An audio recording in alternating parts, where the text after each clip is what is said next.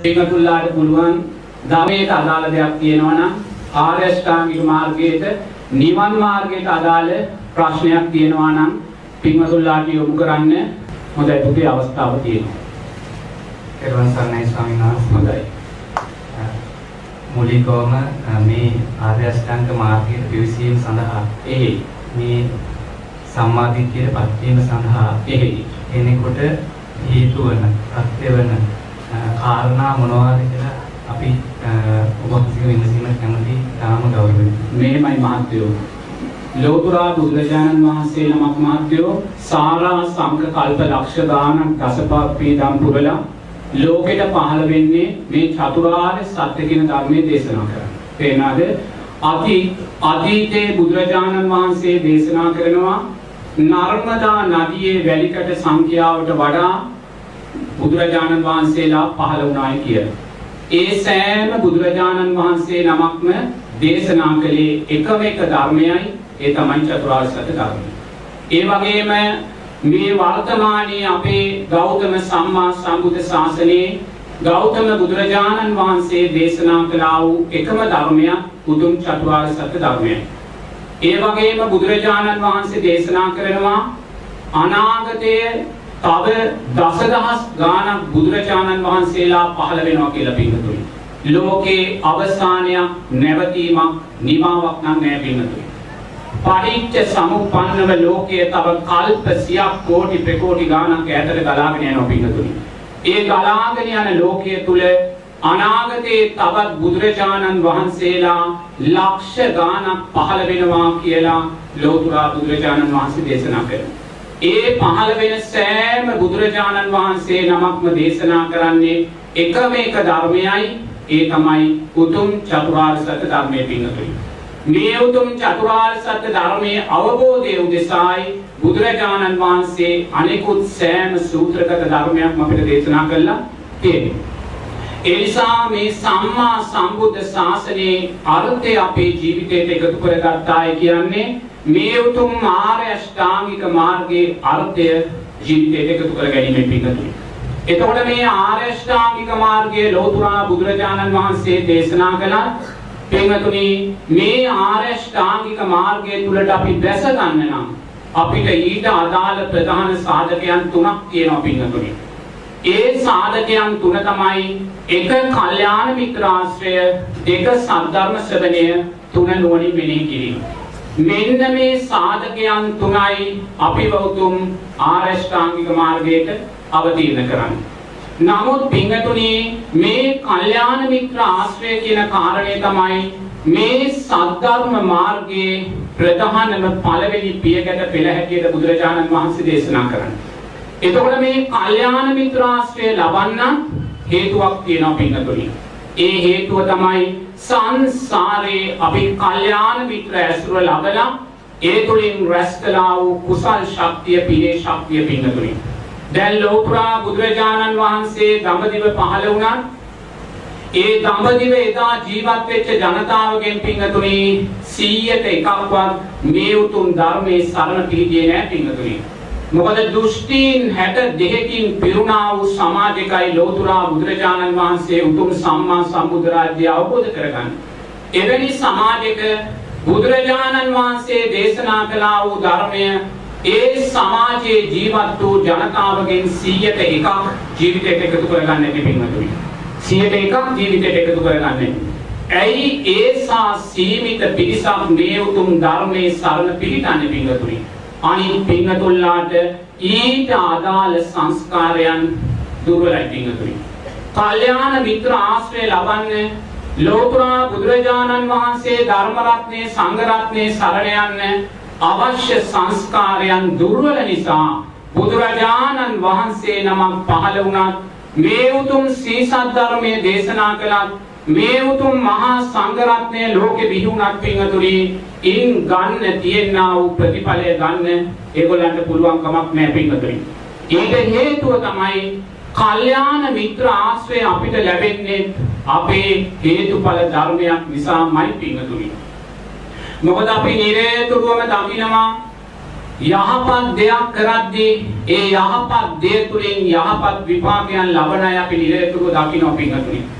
නමුත් අපි කවදාක්වත් දකින්නේ නැහැ යහපත් දෙයක් තුලින් අයහපත් විපාක ලබන්නා වූ පිරිසක් ඉන්නවායි කියන කාරණේ අපි දකින්නේ නැහැ පිංගතුනි. අපි නිරතුරුව දකිනවා ලෝතුරා බුදුරජාණන් වහන්සේ දඹදිව පහළ වීම නිසා දඹදිව ජීවත් වුණා වූ අප්‍රමාණ මිනිස්සයෝ අප්‍රමාණ දෙවිවරු අප්‍රමාණ බ්‍රහ්මීන් අප්‍රමාණ සැනසෙල්ලට පත් වෙලා ධර්මයේ කියනා වූ ශක්තිය ජීවිතයට ගත්ත කියලා පිංගතුනි. නමුත් අපි මොහොතක්වත් දකින්නේ නැහැ. බුදුරජාණන් වහන්සේ පහළ වීම නිසා පිංගතුනි සුගතියට ගියා වූ පිංගතුල්ලාට වඩා නිවන් අවබෝධ කළා වූ පිංගතුල්ලාට වඩා දුගතියට ගියා වූ පිංගතුල්ලා වැඩි පිංගතුනි. ඒක අපි කවදාක්වත් දකින්නේ නැහැ.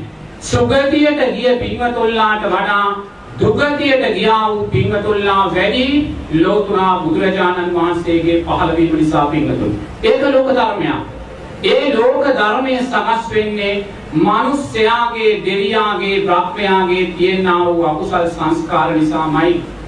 බුදුරජාණන් වහන්සේ සරණ යන ධර්ම රත්නයේ සරණ යන සංඝ රත්නයේ සරණ යන මේ උතුම් මහාරෂ්ඨාංගික මාර්ගයේ ජීවිතයට එකතු කරගත්ත පින්වතුන් පින ශක්තිමත් කරලා සුගතිය ශක්තිමත් කරලා කුසල් මූලයන් ශක්තිමත් කරලා උතුම් සුගතිය සාක්ෂාත් කරගන්නවා වගේම සෝවාන් සකෘදාගාමි අනාගාමි අරිහත් ඵල සාක්ෂාත් කරගන්නවා පින්වතුනි.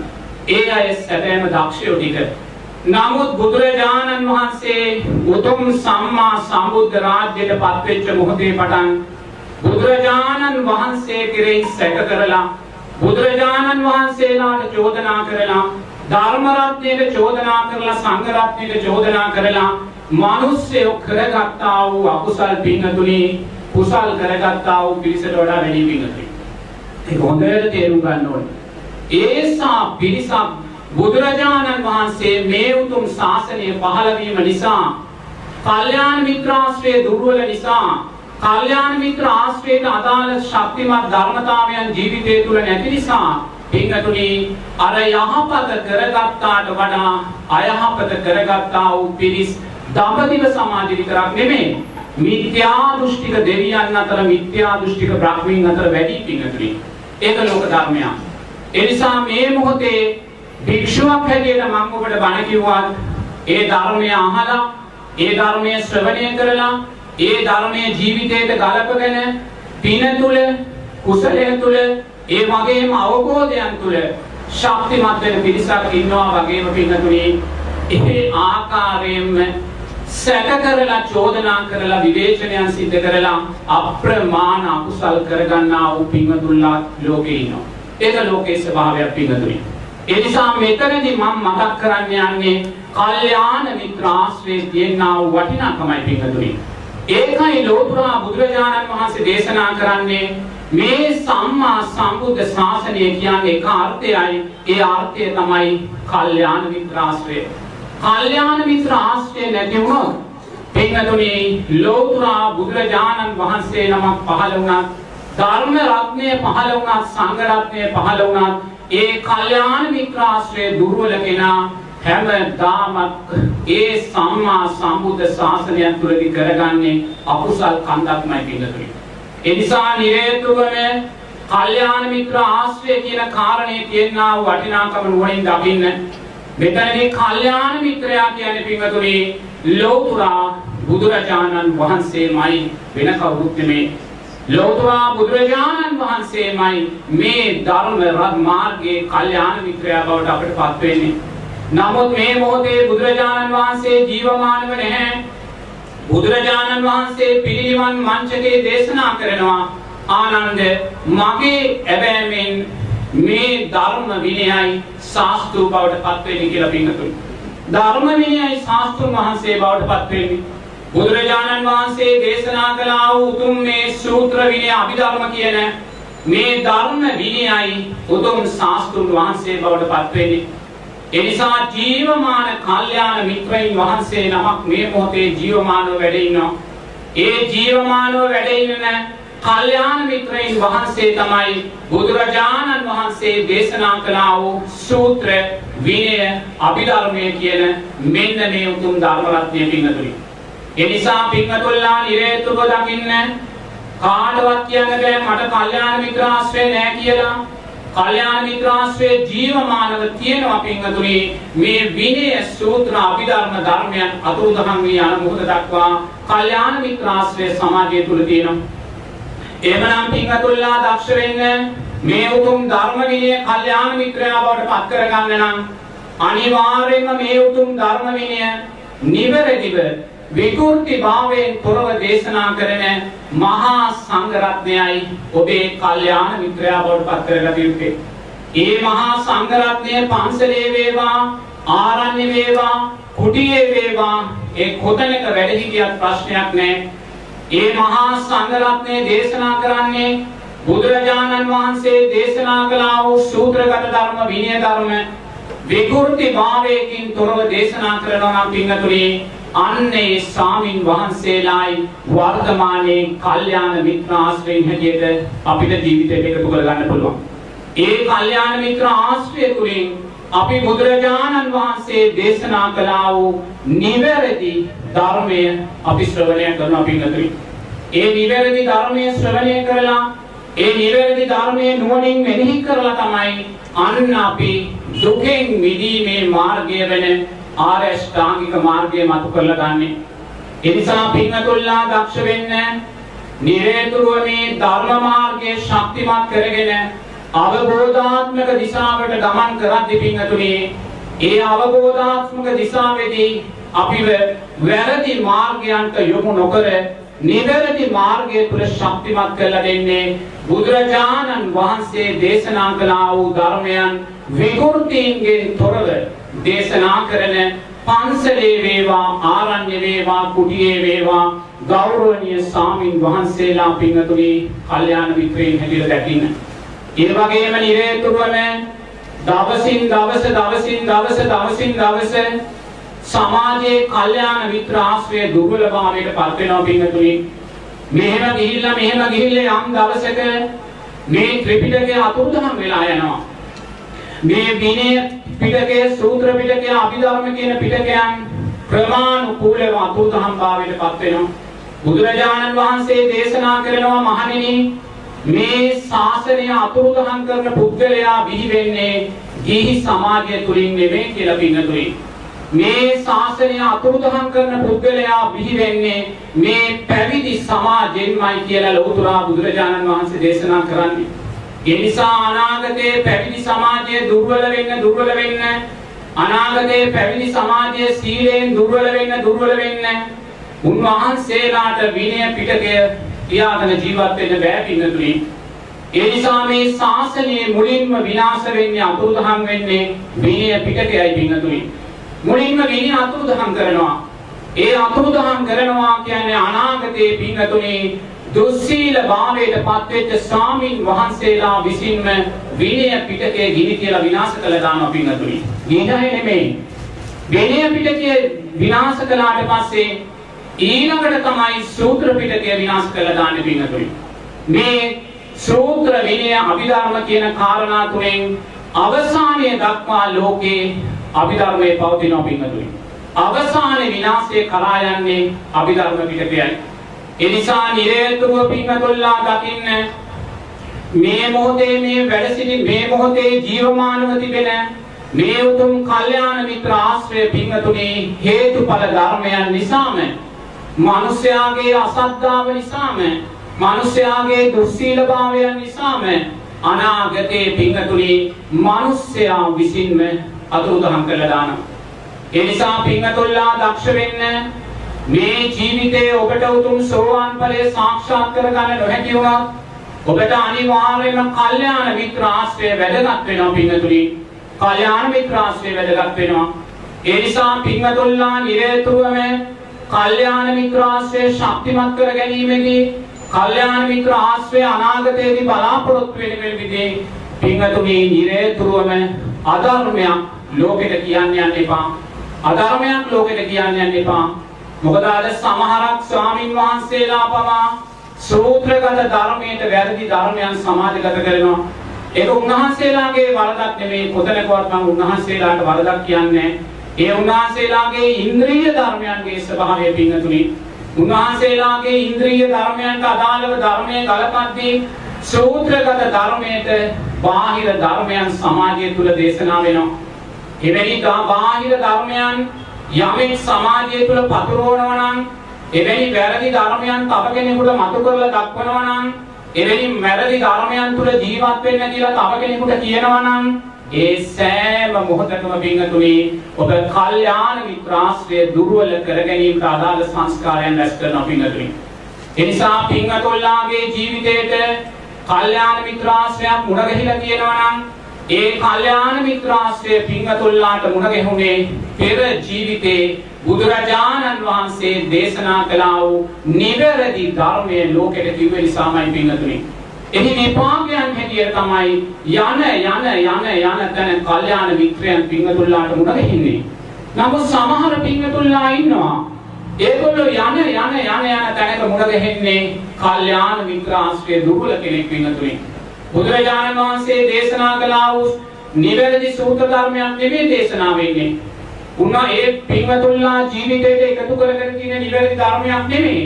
ඇයි පිංගතුනි එවැනි තත්වයක් ලබන්නේ පෙර ජීවිතේ කල්යාණ මිත්‍ර ආශ්‍රයයට අදාළ ධර්මතාවයන් ජීවිතයට පුහුණු කරලා නැහැ පින්වතුනි. ධර්මයේ නාමයෙන් අධර්මයයි ජීවිතයට එකතු කරගෙන තියෙන්නේ. ධර්ම දානයේ නාමයෙන් අධර්ම දානයනුයි ලෝකෙට පූජා කරලා තියෙන්නේ. අධර්ම දානය පූජා කරද්දී අධර්ම දානයට අදාළව අසත්පුරුෂ ආශ්‍රයන් ජීවිතයට මුණ ගැහෙනවා. ඒ නිසා පින්වතුන්ලා දක්ෂ වෙන්න මේ මොහොතේ මේ උතුම් සම්මා සම්බුද්ධ ශාසනය මුණ ගැහුණා වගේ අතීතයේ මෙවැනි සම්මා සම්බුද්ධ ශාසනය ලක්ෂ ගාණක් පින්වතුන්ලාට මුණ ගැහිලා තියෙනවා.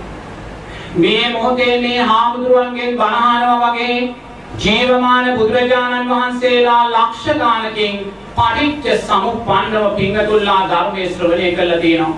මහරහතන් වහන්සේලා ලක්ෂ ගාණකින් අතීතයේ ධර්මයේ ශ්‍රවණය කළා තියෙනවා.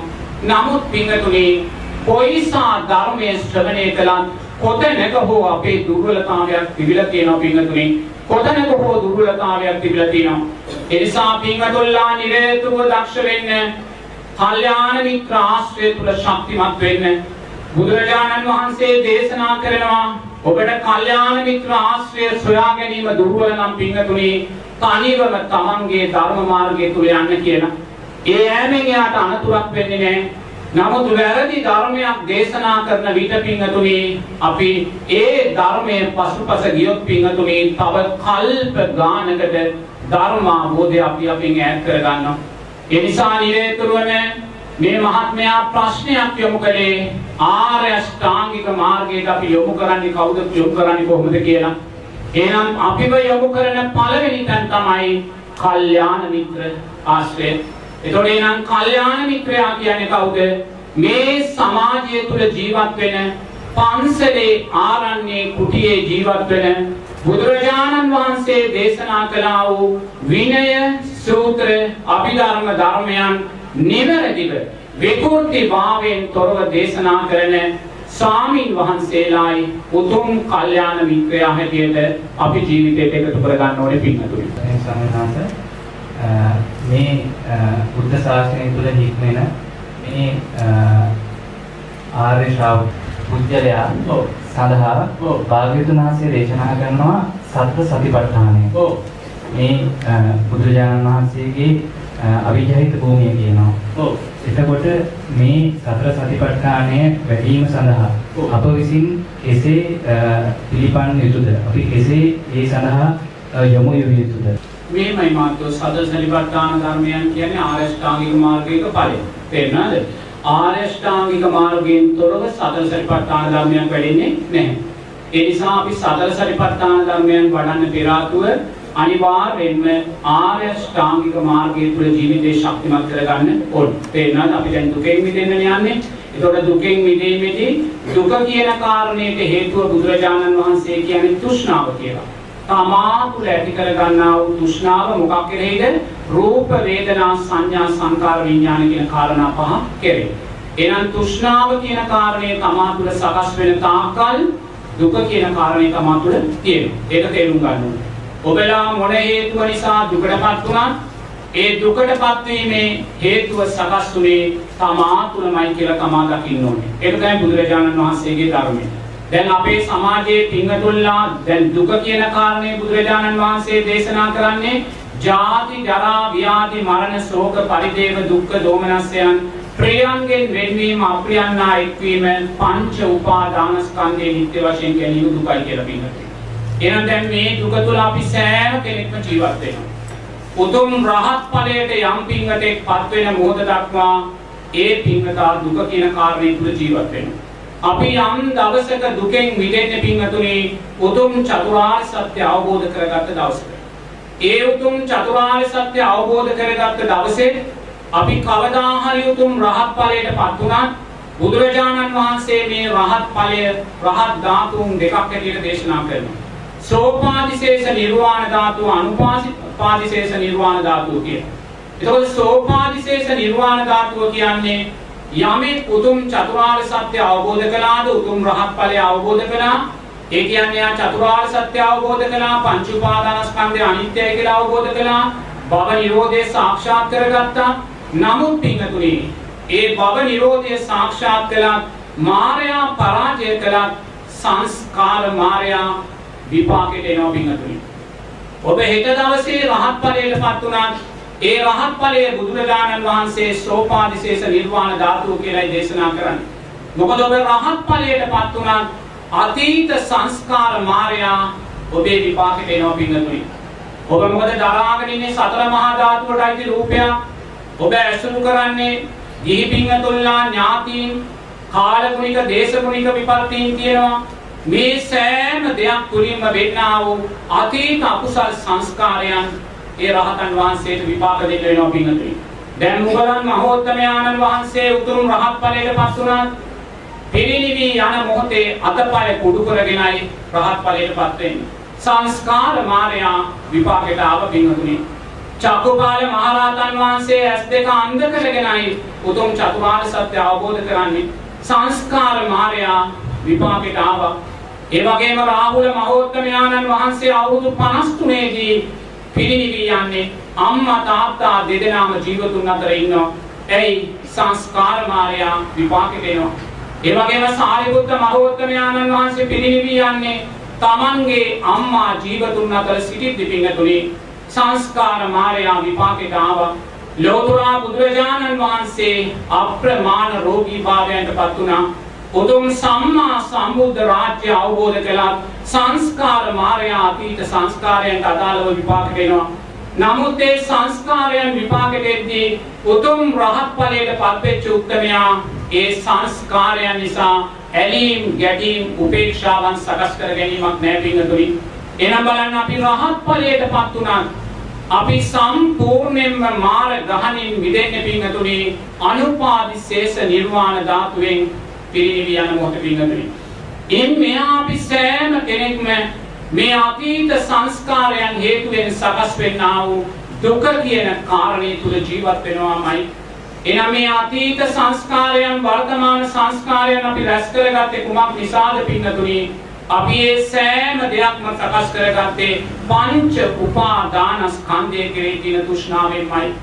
එනම් පින්වතුල්ලා දක්ෂ වෙන්න මේ ධර්ම මාර්ගයේ අංක 1 පින්වතුනි අනිවාර්යයෙන්ම ඔබ දකින්න ඕනේ තමා තුළ දුකක් සකස් වෙනවා නම් ඒ දුක දරුවා නිසා වෙන්න පුළුවන් බිරිඳ සාම්පුරුෂයා නිසා වෙන්න පුළුවන් රට ජාතිය ආගම නිසා වෙන්න පුළුවන් ඔබ තුළ දුකක් සකස් වෙනවා නම් ඒ දුකට හේතුව ඔබ ඒවා කෙරෙහි ඇති කරගත්තා වූ නිත්‍ය සංඥාවමයි පින්වතුනි. නිත්‍ය සංඥාවමයි. ඒ නිත්‍ය සංඥාව වෙනස් වෙද්දී අන්න දුක ඔබ තුළ සකස් වුණා එහෙනම් නිරේතුරුව බුදුරජාණන් වහන්සේ මෙන්න මේ උතුම් ධර්මයයි මුලින්ම අපිට දේශනා කරන්නේ. මහණෙනි දුක ඔබ තුල තියෙනවා නම් දුකට අඬලා වැඩක් නැහැ. දුක ඔබ තුල තියෙනවා නම් දේවාලයට ගිහිල්ලා පූජාවට කියලා පඳුරු බැඳලා වැඩක් නැහැ. දුක ඔබ තුල තියෙනවා නම් දුකට හේතුව එක හේතුවයි තෘෂ්ණාව ඔබ තුලයි තියෙන්නේ කියලා බුදුරජාණන් වහන්සේ දේශනා කරනවා. තුන්වෙනි ආර්ය සත්‍යදී බුදුරජාණන් වහන්සේ දේශනා කරනවා දුක නැති කරන්න ඕනේ නම් තෘෂ්ණාව නැති කරන්න ඕනේ කියලා පින්වතුනි. හතරවෙනි ආර්ය සත්‍යදී බුදුරජාණන් වහන්සේ දේශනා කරනවා දුක නැති කිරීමේ මාර්ගය ආර්ය අෂ්ටාංගික මාර්ගයයි කියලා. එවනම් පින්වතුනි අපි සතර සතිපට්ඨාන මා ධර්මයන් මතු කරගන්න නම් අනිවාර්යෙන්ම මේ දුක නැති කිරීමේ මාර්ගය තුල ශක්තිමත් භාවයට පත් වෙන්න ඕනේ. ශක්තිමත් භාවයට පත් වෙන්න ඕනේ. ඒ ශක්තිමත් භාවය උදෙසා ආර්ය ශ්‍රාණික මාර්ගයේ ජීවිතයට එකතු කරගන්න ඕනේ. ආර්ය ශ්‍රාණික මාර්ගයේ ජීවිතයට එකතු කරගන්න නම් අපි අනිවාර්යයෙන්ම පින්වතුනි ආර්ය ශ්‍රාණික මාර්ගයට වැස ගන්න ඕනේ. මෙන්න මේ ආර්ය ශ්‍රාණික මාර්ගයට වැස දෙන්නා වූ හේතුන් මම මුලින් සඳහන් කළා. එයා කල්යාණ මිත්‍රාශ්‍රේ ලැබලා සද්ධර්ම ශ්‍රවණය කරලා ශ්‍රවණය කළා වූ සද්ධර්මයේ නුවණින් දැකලා මේ කුසලයේ අකුසලයේ හඳුනා ගන්නවා පින්වතුනි. ඒ වගේම මේ සංසාර බය සංසාර ගැඹුර සංසාරේ දීර්ඝභාවය එයා මතු කරලා දකිනවා. ඒ දකින්දි තමයි එයා අනිවාර්යෙන් මාර්ගෂ්ටාංගික මාර්ගයට බැසගන්නේ. ඒතකොට ආර්යෂ්ටාංගික මාර්ගයට බැසගත්ත තැනදී එයා මුලින්ම ආරෂ්ඨාංගික මාර්ගයට ඇතුල් වෙන්නේ සම්මා දිට්ඨිය කියන දොරටුවෙන් පින්නතුනි. සම්මා දිට්ඨිය කියන දොරටුවෙන්. මොකද අපි උතුම් සතර සරිපට්ඨාන ධර්මයන් වඩන්නේ උතුම් පංච උපාදානස්කන්ධයේ අනිත්‍යභාවය දකින්නේ උතුම් සෝවාන් සකෘදාගාමි අනාගාමි ඵලයන් සාක්ෂාත් කරගන්නේ මූලික අඩිතාලම තියෙන්නේ සම්මා දිට්ඨිය අර්ථයන් තුලින් පින්නතුනි. සම්මා දිට්ඨියෙන් තොරව සතර සතිපට්ඨානයක් මේ ලෝක ධාතුව තුල නැහැ පිංගුතුනි. සම්මා දිට්ඨියෙන් තොරව පංච උපාදානස්කන්ධයේ අනිත්‍යභාවයක් මේ ලෝක ධාතුව තුල නැහැ. සබ්බේක සම්මා දිට්ඨියෙන් තොරව මේ අනිවාර්යෙන්ම සෝවාන් සකෘදාගාමි අනාගාමි අරිහත් ඵලයන් මේ ලෝක ධාතුව තුල නැහැ පිංගුතුනි. සම්මා දිට්ඨියේ අර්ථයයි මේ ධර්ම මාර්ගයේ මූලස්ථානයේ බවට පත් වෙන්නේ.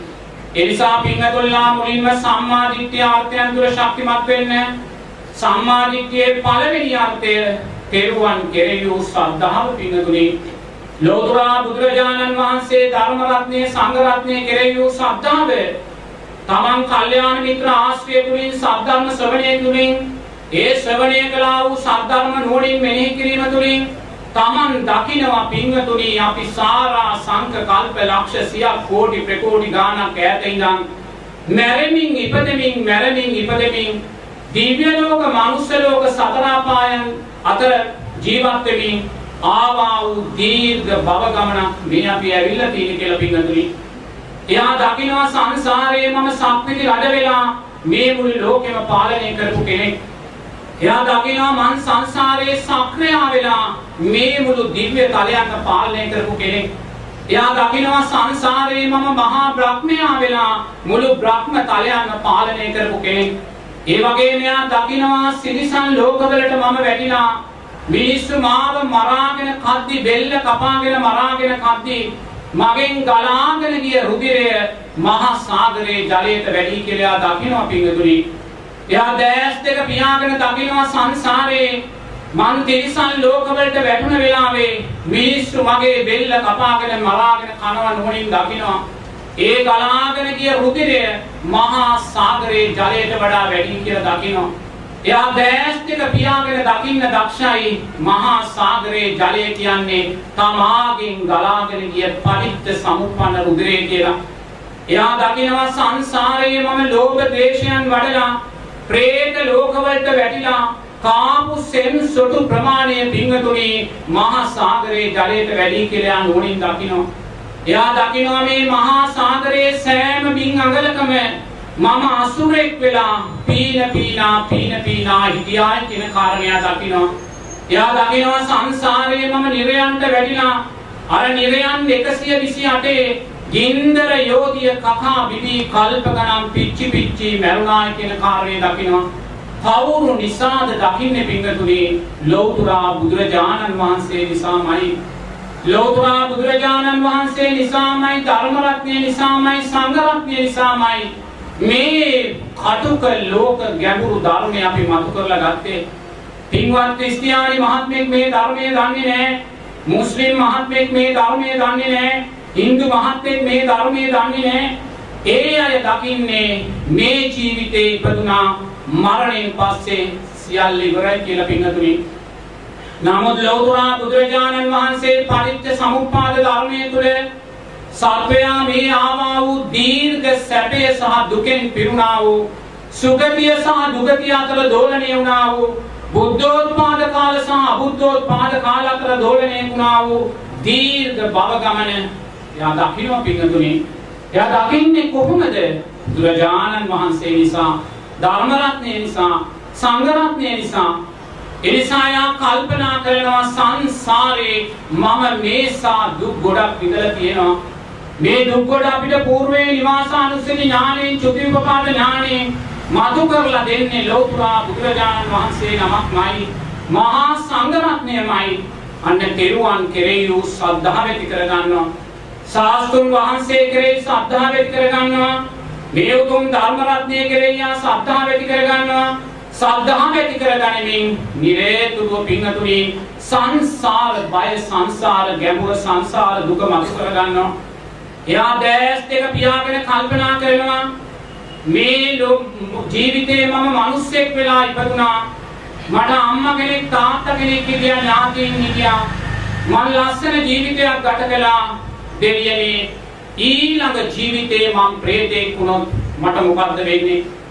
එදාට මං ජීවත් වෙන්නේ പ്രേත කුප්පෑයමක. එදාට මගේ අම්මා වෙන්නේ ප්‍රේතියක් එදාට මගේ තාත්තා වෙන්නේ ප්‍රේතේ එදාට මගේ ආහාරය වෙන්නේ සෙමසොටු. එයා නුවණින් දකිනවා. අනාගත පංච උපාදානස්කන්ධය මතු කරලා දකිනවා. එයා දකිනවා දෙයනේ ඊළඟ ජීවිතේ මම තිරිසන් සතෙක් වුණොත් මට තනකොළ පුන්නක් උකකා ජීවත් වෙන්න වෙන්නේ. කොහේ හරි තියෙන මඩුවකයි මට නිදා ගන්න වෙන්නේ. කාගේ හරි කරත්තයක් අදිමින් ජීවත් වෙන්න වෙන්නේ සංසාර බය එයා දකිනවා එයා දකිනවා ඊළඟ ජීවිතේ මං කුරුල්ලෙක් වුණොත් මට ගහක අත්තක කූඩුවක් හදාගෙනයි මට ජීවත් වෙන්න වෙන්නේ. පණුව දැලඹුව කකා තමයි මට ජීවත් වෙන්න වෙන්නේ. අන්න පිංගතුනි අතීත පංච උපාදානස්කන්ධේ වියරුභාවයේ තුලින් එයා අනාගත පංච උපාදානස්කන්ධේ මතු කරලා දකින්නවා. අපි මේවා කුමක් නිසාද මතු කරලා දකින්නේ? ලෞතුරා බුදුරජාණන් වහන්සේ නිසාමයි. වෙන කිසිම අන්‍ය ආගමික පිංගතෙකුට පිංගතුනි තමන් ඊළඟ ජීවිතයේ තිරිසන් සතෙක් ප්‍රේතෙක් වෙනවා කියලා විශ්වාසයක් නැහැ. මේ සෑම විශ්වාසයක්ම අපිට ලබලා දුන්නේ ලෝතුරා බුදුරජාණන් වහන්සේමයි. බුදුරජාණන් වහන්සේ දේශනා කළා උතුම් ධර්මයමයි. මේ බුදුරජාණන් වහන්සේගේ උතුම් ශ්‍රාවක පිරිසමයි. මේ උතුම් සත් ධර්මයේ ලෝකෙට මතු කරලා දුන්නේ පිංගතුනේ. අන්‍යා තෙරුවන් කෙරෙහි ශ්‍රද්ධාව ඇති කරගන්නවා. එයා දන්නවා මේසා මිත්‍යා දෘෂ්ටික ලෝකයක් මේසා සතර අපායක් අභිබවලා මේසා සුන්දර බෞද්ධයෙක් සිංහල බෞද්ධයෙක් බවට පත් උනේ බුදුරජාණන් වහන්සේ නිසාමයි කියලා දකිනවා. ඒ සිංහල බෞද්ධයෙක් බවට පත් වෙලා මේ උතුම් කල්යාණ මිත්‍ර ආශ්‍රයන් අපිට ජීවිතේ ලැබලා ධර්ම මාර්ගයේ නිවැරදිව අපි හඳුනාගත්තේ ලෞතර බුදුරජාණන් වහන්සේ නිසාමයි කියලා දකිනවා. සංසාරයේ මේ ජීවිතේ පින්වතුන්ලාට සුන්දර රූපයක් ලැබුණා නම් උගත්කමක් ලැබුණා නම් වත්පොහසත්කමක් ලැබුණා නම් සුන්දර දුවෙක් පුතෙක් ලැබුණා නම් මේ සෑම දෙයක්ම ලැබුණේ පින්වතුනි ලෞතර බුදුරජාණන් වහන්සේ නිසාමයි කියලා දකිනවා මොකද පසුගිය අවුරුදු 2600ක කාලයක් පුරාවට පටිච්ච සමුප්පන්නව අපි මනුස්ස ජීවිත ලැබලා පටිච්ච සමුප්පන්නව අපි දිව්‍ය ජීවිත ලැබලා ලෞතර බුදුරජාණන් වහන්සේ සරණ ගිහිල්ලා ධර්ම රත්නය ශ්‍රවණය කරලා සංඝ රත්නයේ සරණ ගිහිල්ලා දන් පූජා කරලා ඒ ලැබුවා වූ කුසලයේ ශක්තියයි ඔබ මේ අත්විඳින පිඟතුනි. එනම් ඔබේ ජීවිතයේ සෑම සැප වේදනාවක් ඉදිරියේදීම ඒ සැප වේදනාවට hina වෙන්න ඉස්සෙල්ලා ඔබ ලෝතුරා බුදුරජාණන් වහන්සේට සාදු කියලා নমස්කාරය කරන්න ඕනේ හදවතින්. මොකද බුදුරජාණන් වහන්සේ නිසාමයි මේ සුන්දර ජීවිතය අපිට ලැබුණේ. මේ සුන්දර සුගතිය අපි මතු කරගත්තේ ලෝතුරා බුදුරජාණන් වහන්සේ නිසා. ලෝතුරා බුදුරජාණන් වහන්සේ සරණ නොගියා නම් අපිට මේ සුන්දර සුගතියක් පිළිබඳ අර්ථයක් අපි දන්නේ නැහැ. බ්‍රහ්ම ලෝකයක් පිළිබඳ අර්ථයක් අපි දන්නේ නැහැ. නිවනක් පිළිබඳ අර්ථයක් අපි දන්නේ නැහැ. මේ භව ගමන නිරෝධය කරන්න පුළුවන් කියන අර්ථයක් අපිට දන්නේ නැහැ පින්වතුනි. එහෙනම් මේ සා ශ්‍රේෂ්ඨ අර්ථයන් සියල්ල අපිට සාක්ෂාත් කරලා දුන්නේ ලෝතුරා බුදුරජාණන් වහන්සේමයි. උන්වහන්සේ දේශනා කළා උතුම් ධර්ම රත්නයමයි. ඒ උතුම් ධර්ම රත්නය ලෝකයට බෙදලා දුන්නේ මේ උතුම් මහා සංඝ රත්නයමයි පින්වතුනි අපිට මේ සියල්ලටම මුල්ුනේ අන්න තෙරුවන් කෙරේ ශ්‍රද්ධාව. එයා තෙරුවන් කෙරේ ශ්‍රද්ධාවෙන් බැහැරට යන්නේ නෑ. බුදුරජාණන් වහන්සේ කියන අර්ථයෙන් ධර්ම රත්නය කියන අර්ථයෙන් සංඝ රත්නය කියන අර්ථයෙන් දශමයක්වත් එයා බැහැරට යන්නේ නෑ පින්වතුනි. එතනයි සම්මා දිට්ඨිය මුල බවට පත් වෙන්නේ. ඒ අර්ථය තුල ඉඳිමින් අන්න සම්මා දිට්ඨිය දැන් ගලාගෙන යනවා. සම්මා දිට්ඨිය ගලාගෙන යනකොට එයා බුදුරජාණන් වහන්සේ දේශනා කළා වූ ධර්මයේ තුලින් කර්මය කර්මඵල විශ්වාස කරන කෙනෙක් බවට පත් වෙනවා. එයා දන්නවා සමාජයේ දිහා බලද්දී අප්‍රමාණ අපි අකමැති දේවල් තියෙනවා. සමාජයේ දිහා බලද්දී අප්‍රමාණ දුකටපත් වෙච්ච අය ඉන්නවා. ඒ අය දකිනවා මේ දුකටපත් උනේ එයා සංසාරේ කළා වූ අකුසල් විපාකයක් නිසායි කියලා. සමාජයේ දුක්පත් පින්තුල්ලා ජීවත් වෙනවා, පෝසත් පින්තුල්ලා ජීවත් වෙනවා. සමාජයේ ස්වරූපී පින්තුල්ලා ජීවත් වෙනවා, විරූපී පින්තුල්ලා ජීවත් වෙනවා. සමාජයේ උගත් පින්තුල්ලා ජීවත් වෙනවා, නුගත් පින්තුල්ලා ජීවත් වෙනවා. සමාජයේ රෝගී පින්තුල්ලා ජීවත් වෙනවා, නිරෝගී පින්තුල්ලා ජීවත් වෙනවා. අන්න පින්තුනියා දකින්නවා. මේ දෙක මේ ආකාරයෙන් වෙන්න හේතුවක් තියෙන්න ඕනේ. අන්න බුදුරජාණන් වහන්සේ හේතුව මතු කරලා දෙනවා. කර්මය, කර්මඵල විශ්වාසය පිංගතුනි. එයා දකිනවා යහපත් දෙයක් කළොත් යහපත් විපාකයක් තියෙනවා. අයහපත් දෙයක් කළොත් අයහපත් විපාකයක් තියෙනවා කියලා දැකලා අයහපතෙන් මිදිලා යහපත තුල එයා ශක්තිමත් වෙනවා. ඊළඟට එයා පටිච්ච සමුප්පන්න උපතක් පිළිබඳ විශ්වාසය ඇති කරගන්නවා. එයා දකිනවා මේ මොහොතේ මම තෑස් දෙක අපවත් වුණොත් ඊළඟ මොහොතේ නැවත මම ප්‍රතිසංගය ලබනවා කියන විශ්වාසයක් තියෙනවා. එයා එක්ක ඕපපාතික උපතකට යනවා, එක්ක මව් කුසකට යනවා, එහෙම නැත්නම් බිත්තරයකට බැස ගන්නවා, පණුකුලයක උප්පත්තිය ලබනවා කියලා බුදුරජාණන් වහන්සේ දේශනා කරනවා. එහෙනම් එයා පින්තුනි පටිච්ච සමුප්පන්න උපත කෙරේ විශ්වාසය ඇති කරගන්නවා. එයා අනාගත පටිච්ච සමුප්පන්න උපත දුර්වල වෙන ආකාරයෙන් කටයුතු කරන්නේ නැහැ. එයා දන්නවා වරදක් කළොත් සිල්පදයක් බින්දත් අකුසලයක් වැඩුවොත් පටිච්ච සමුප්පන්න උපත දුර්වල වෙනවා කියලා විශ්වාසය යාට තියෙනවා. ඒ නිසා පින්වතුන්ලා තුල මේ දේවල් තියෙනවාද කියලා බලන්නේ. මොකද වර්තමාන සමාජයේ පින්වතුනි අප්‍රමාණ සිල්පද බිඳීම් තියෙනවා. අප්‍රමාණ අකුසල් මූලයන් වඩනවා. එහෙම වෙන්න හේතුවක් තියෙනවා. හේතුව තමයි පින්වතුනි කෙරුවන් කෙරෙහි වූ සද්ධාව දුර්වලයි. මේ සියල්ල හේතුඵල ධර්මයන්. කර්මය කර්මඵල විශ්වාසයේ දුර්වලයි පින්නතුනි. ඒ නිසා යා ඊළඟ පටිච්ච සමුප්පන්න උපතගෙන යාට බලවත් උවමනාවක් නැහැ. ඊළඟ ජීවිතේ මොකක් වුණත් කමක් නැහැ. මේ ජීවිතේ සැපේ උදෙසා මං ඉන්නවා කියලා හිතනවා. මොකක්ද දුර්වල? සම්මාදිට්ඨිය දුර්වලයි. මොකක්ද දුර්වල? කර්මය කර්මඵල විශ්වාසයේ දුර්වලයි. අන්න දැන් කෙරුවන් කෙරෙහි ශ්‍රද්ධාව ශක්තිමත්. කර්මය කර්මඵල විශ්වාසයේ ශක්තිමත්. අන්න පටිච්ච සමුප්පන්න උපත පිළිබඳ විශ්වාසය යාගේ ශක්තිමත් වෙනවා. ඊළඟට යා දානයේ සීලේ ආනිසංස දකිනවා. දන් දෙමින් සිල් රකිමින් ආයුෂ වර්ණයේ සැපේ බලය ජීවිතයේ ලබනවා. සිල් රකිමින් යා නිරේතුව ජනප්‍රියභාවය සමාජය තුළ නොබියව ජීවත් වෙනවා යා. සිහි මුලා නොවී මැරෙනවා සුගතියේ උපදිනවා මේ ධර්මතාවයන් ජීවිතයට එකතු කරගන්නවා. ඒ වගේම යා අම්මා තාත්තාගේ ගුණයන් හඳුනනවා. අම්මා තාත්තාට නිරේතුරු උපස්ථාන කරනවා ගරු කරනවා අම්මා තාත්තා තුලින් සක්‍රයා කියන අර්ථය අත් කරගන්න පුළුවන් කියන දක්ෂභාවය ඇති කරගන්නවා. ඊළඟට එයා දකිනවා ඕපපාතිකව ඉපදෙන සත්වයින් ඉන්නවා කියලා. දෙවියෙක් බ්‍රහ්මයෙක් ඕපපාතිකව ඉපදෙනවා. ප්‍රේතයා නිරිසතා ඕපපාතික ඉපදෙනවා කියලා දැන් දන්නවා. එනිසා එයා කල්පනා කරනවා මම දෙවියෙක් බ්‍රහ්මයෙක් වෙනවා කියලා. එයා කුසලයේ තුල ශක්තිමත් වෙනවා සීලයේ තුල ශක්තිමත් වෙනවා. නමුත් යම් කෙනෙක් තුල විශ්වාසයක් නැත්නම් දෙවියෙක් බ්‍රහ්මයෙක් ඕපපාතිකව ඉපදෙනවා කියලා එයා සීලයට ධර්මයට වටිනාකමක් දෙන්නේ නැහැ පින්වතුනි. එයා කුසලයට බය වෙන්නේ නැහැ මොකද එයා දන්නේ නැහැ ප්‍රේතෙක් වෙලා පිපදෙයි කියලා එයා දන්නේ නැහැ. මොකද අපේ ඇස් වලට පේන්නේ නැති නිසා. එයා නිරේ විශ්වාස කරන්නේ නැහැ මොකද ඇස් දෙකට පේන්නේ නැති නිසා. ඒ නිසා අකුසලයෙන් අකුසලයට අකුසලයෙන් අකුසලයට යනවා. ඊළඟට හත්වෙනි අර්ථය තමයි සම්මා දිට්ඨියේ එයා දන්නවා දැන් අතීතේ සෝවාන් සකෘදාගාමි අනාගාමි උත්තරයන් හිටියා කියලා. එනිසා එයාට විශ්වාසයි මට මේ ජීවිතේ උතුම් සෝවාන් ඵලය සාක්ෂාත් කරගන්න පුළුවන් කියලා. අන්න පිංගතුනේ සම්මා දිට්ඨිය අර්ථයන් ශක්තිමත්. දැන් පිංගතුල්ලා තුලින් දකින්න මේ අර්ථයන් ශක්තිමත්ද කියලා මේ අර්ථයන් ශක්තිමත් නැත්නම් භාවනාවට යොමු වෙන්නේ නෑම නිෂ්ඵල ක්‍රියාවක් පිංගතුනේ.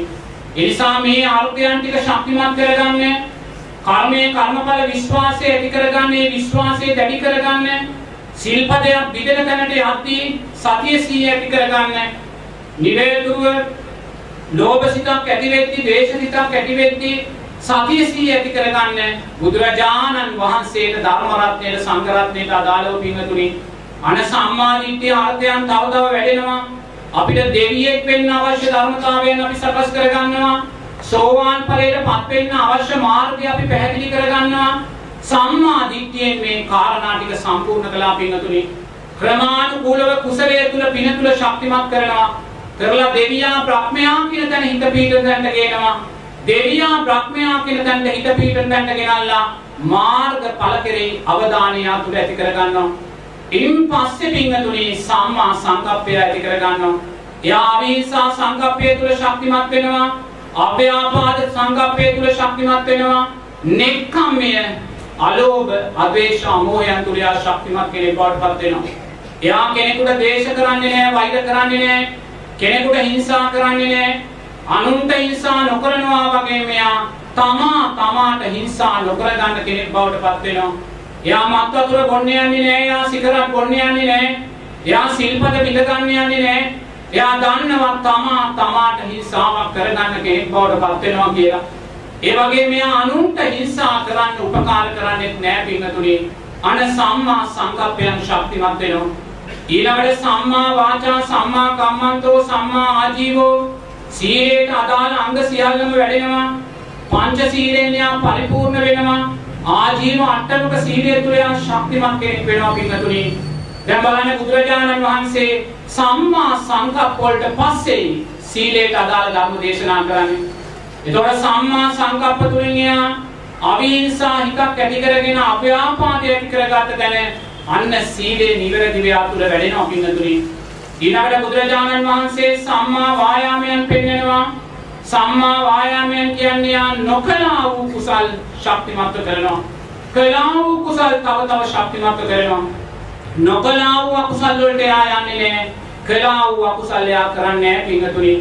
එනිසා පින්වතුල්ලා දක්ෂ වෙන්න ඕනේ ආර්ය අෂ්ටාංගික මාර්ගයේ වඩද්දී නිරේතුරුවම තමන් සම්මා දිට්ඨිය ශක්තිමත් නම් සම්මා සංකප්ප ශක්තිමත් නම් සීලයට අදාළ අංග තුන ශක්තිමත් නම් අන්න යා තුල වැඩෙන ධර්මතාවය තමයි නොකලා වූ කුසල්.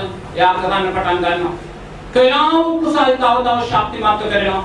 මෙතෙන්දී කුසල් කියන්නේ අලෝභ ආදේශ අමෝහ තරගෙට පිංකම් කරනවා කියන කාරණේ නෙමෙයි එයා කළා මම කරන්න ඕනේ කියන පින්කම් කළා කියන කාරණේ නෙමේ. ඒ සෑම තැනම වැඩෙන්නේ ලෝභ, ද්වේෂ, මෝහයන් පින්නතුනි.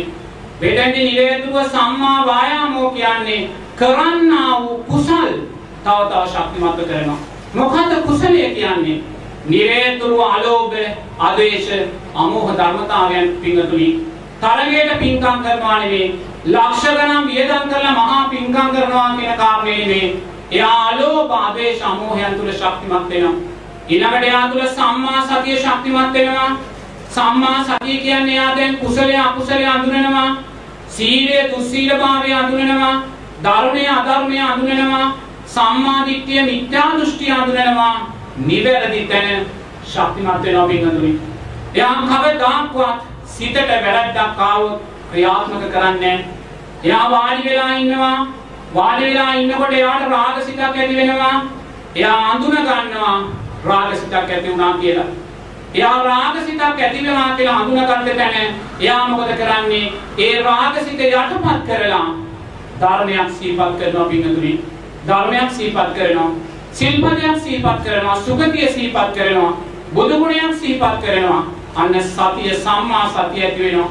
ඒ වගේම තවත් කෙනෙක් ඉන්නවා. එයා වාඩි වෙලා ඉන්නවා. එයාට රාගසිතක් ඇති වෙනවා. එයා ඒ රාගසිතේ ආස්වාදයට යට වෙනවා පිංගතුනි.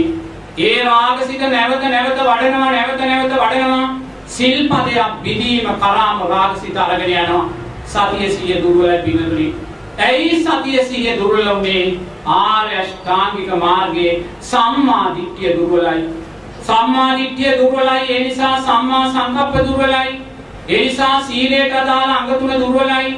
ඒ නිසාම සම්මා වායාමයන් දුර්වලයි. අන්න සතිය සිහිය නැතුව ගියා. සතිය සිහිය නැති වෙච්ච තැන මොකද කරන්නේ? එයා හිතට වහලෙක් වෙනවා පිටුතුනි. ලෝභ සිතක් සකස් වෙද්දී ලෝභ සිතම වඩමින් යනවා. ද්වේෂ සිතක් සකස් වෙද්දී ද්වේෂ සිතම වඩමින් යනවා. රාග සිතක් සකස් වෙද්දී රාග සිතම වඩමින් යනවා. හඳුනගන්නේ නැහැ මේ ද්වේෂ සිතක්, ලෝභ සිතක්, රාග සිතක් කියලා. ඇයි සතිය සිහිය දුර්වලයි පිටුතුනි. ඒ වගේ සතිය සිහිය සම්මා සතිය තුල ශක්තිමත් වෙච්ච කෙනා නිදා ගන්න ගියත් ඉඳගෙන හිටියත් වෙන වැඩක යෙදුණත් ද්වේෂ සිතක් එද්දී ද්වේෂය දකින්නවා මෙන්න ද්වේෂ හිතක් ඇති වුණා කියලා. එයා ආදීනවේ මතු කරලා දකින්නවා දැකලා සුවපත් වේවා කියලා හිතලා ද්වේෂය වෙනුවට අදේශය ඇති කර ගන්නවා. එයා තුල රාගසිතක් ඇති වුණා. එයා හඳුනාගත්ත රාගසිතක් මේක අනතුරක් ආදීනවේ දකින්නවා. ආදීනවේ දැකලා එයා රාගසිත යටපත් කරමින් විරාගී චිත්තයක් ඇති කර ගන්නවා. බුදුරජාණන් වහන්සේ සිහිපත් කර ගන්නවා. ආර්ය ධර්මයක් සිහිපත් කර ගන්නවා. ආර්ය සංඝයා සිහිපත් කර ගන්නවා. අන්න පිංගතුනේ සම්මා සතිය ලක්ෂණයක්. සම්මා සතිය දුර්වල වෙච්ච කෙනා නිරේතුරුවම හිතට වහලෙක් වෙලා හිත කියන දිශාවට යා ගමන් කරනවා.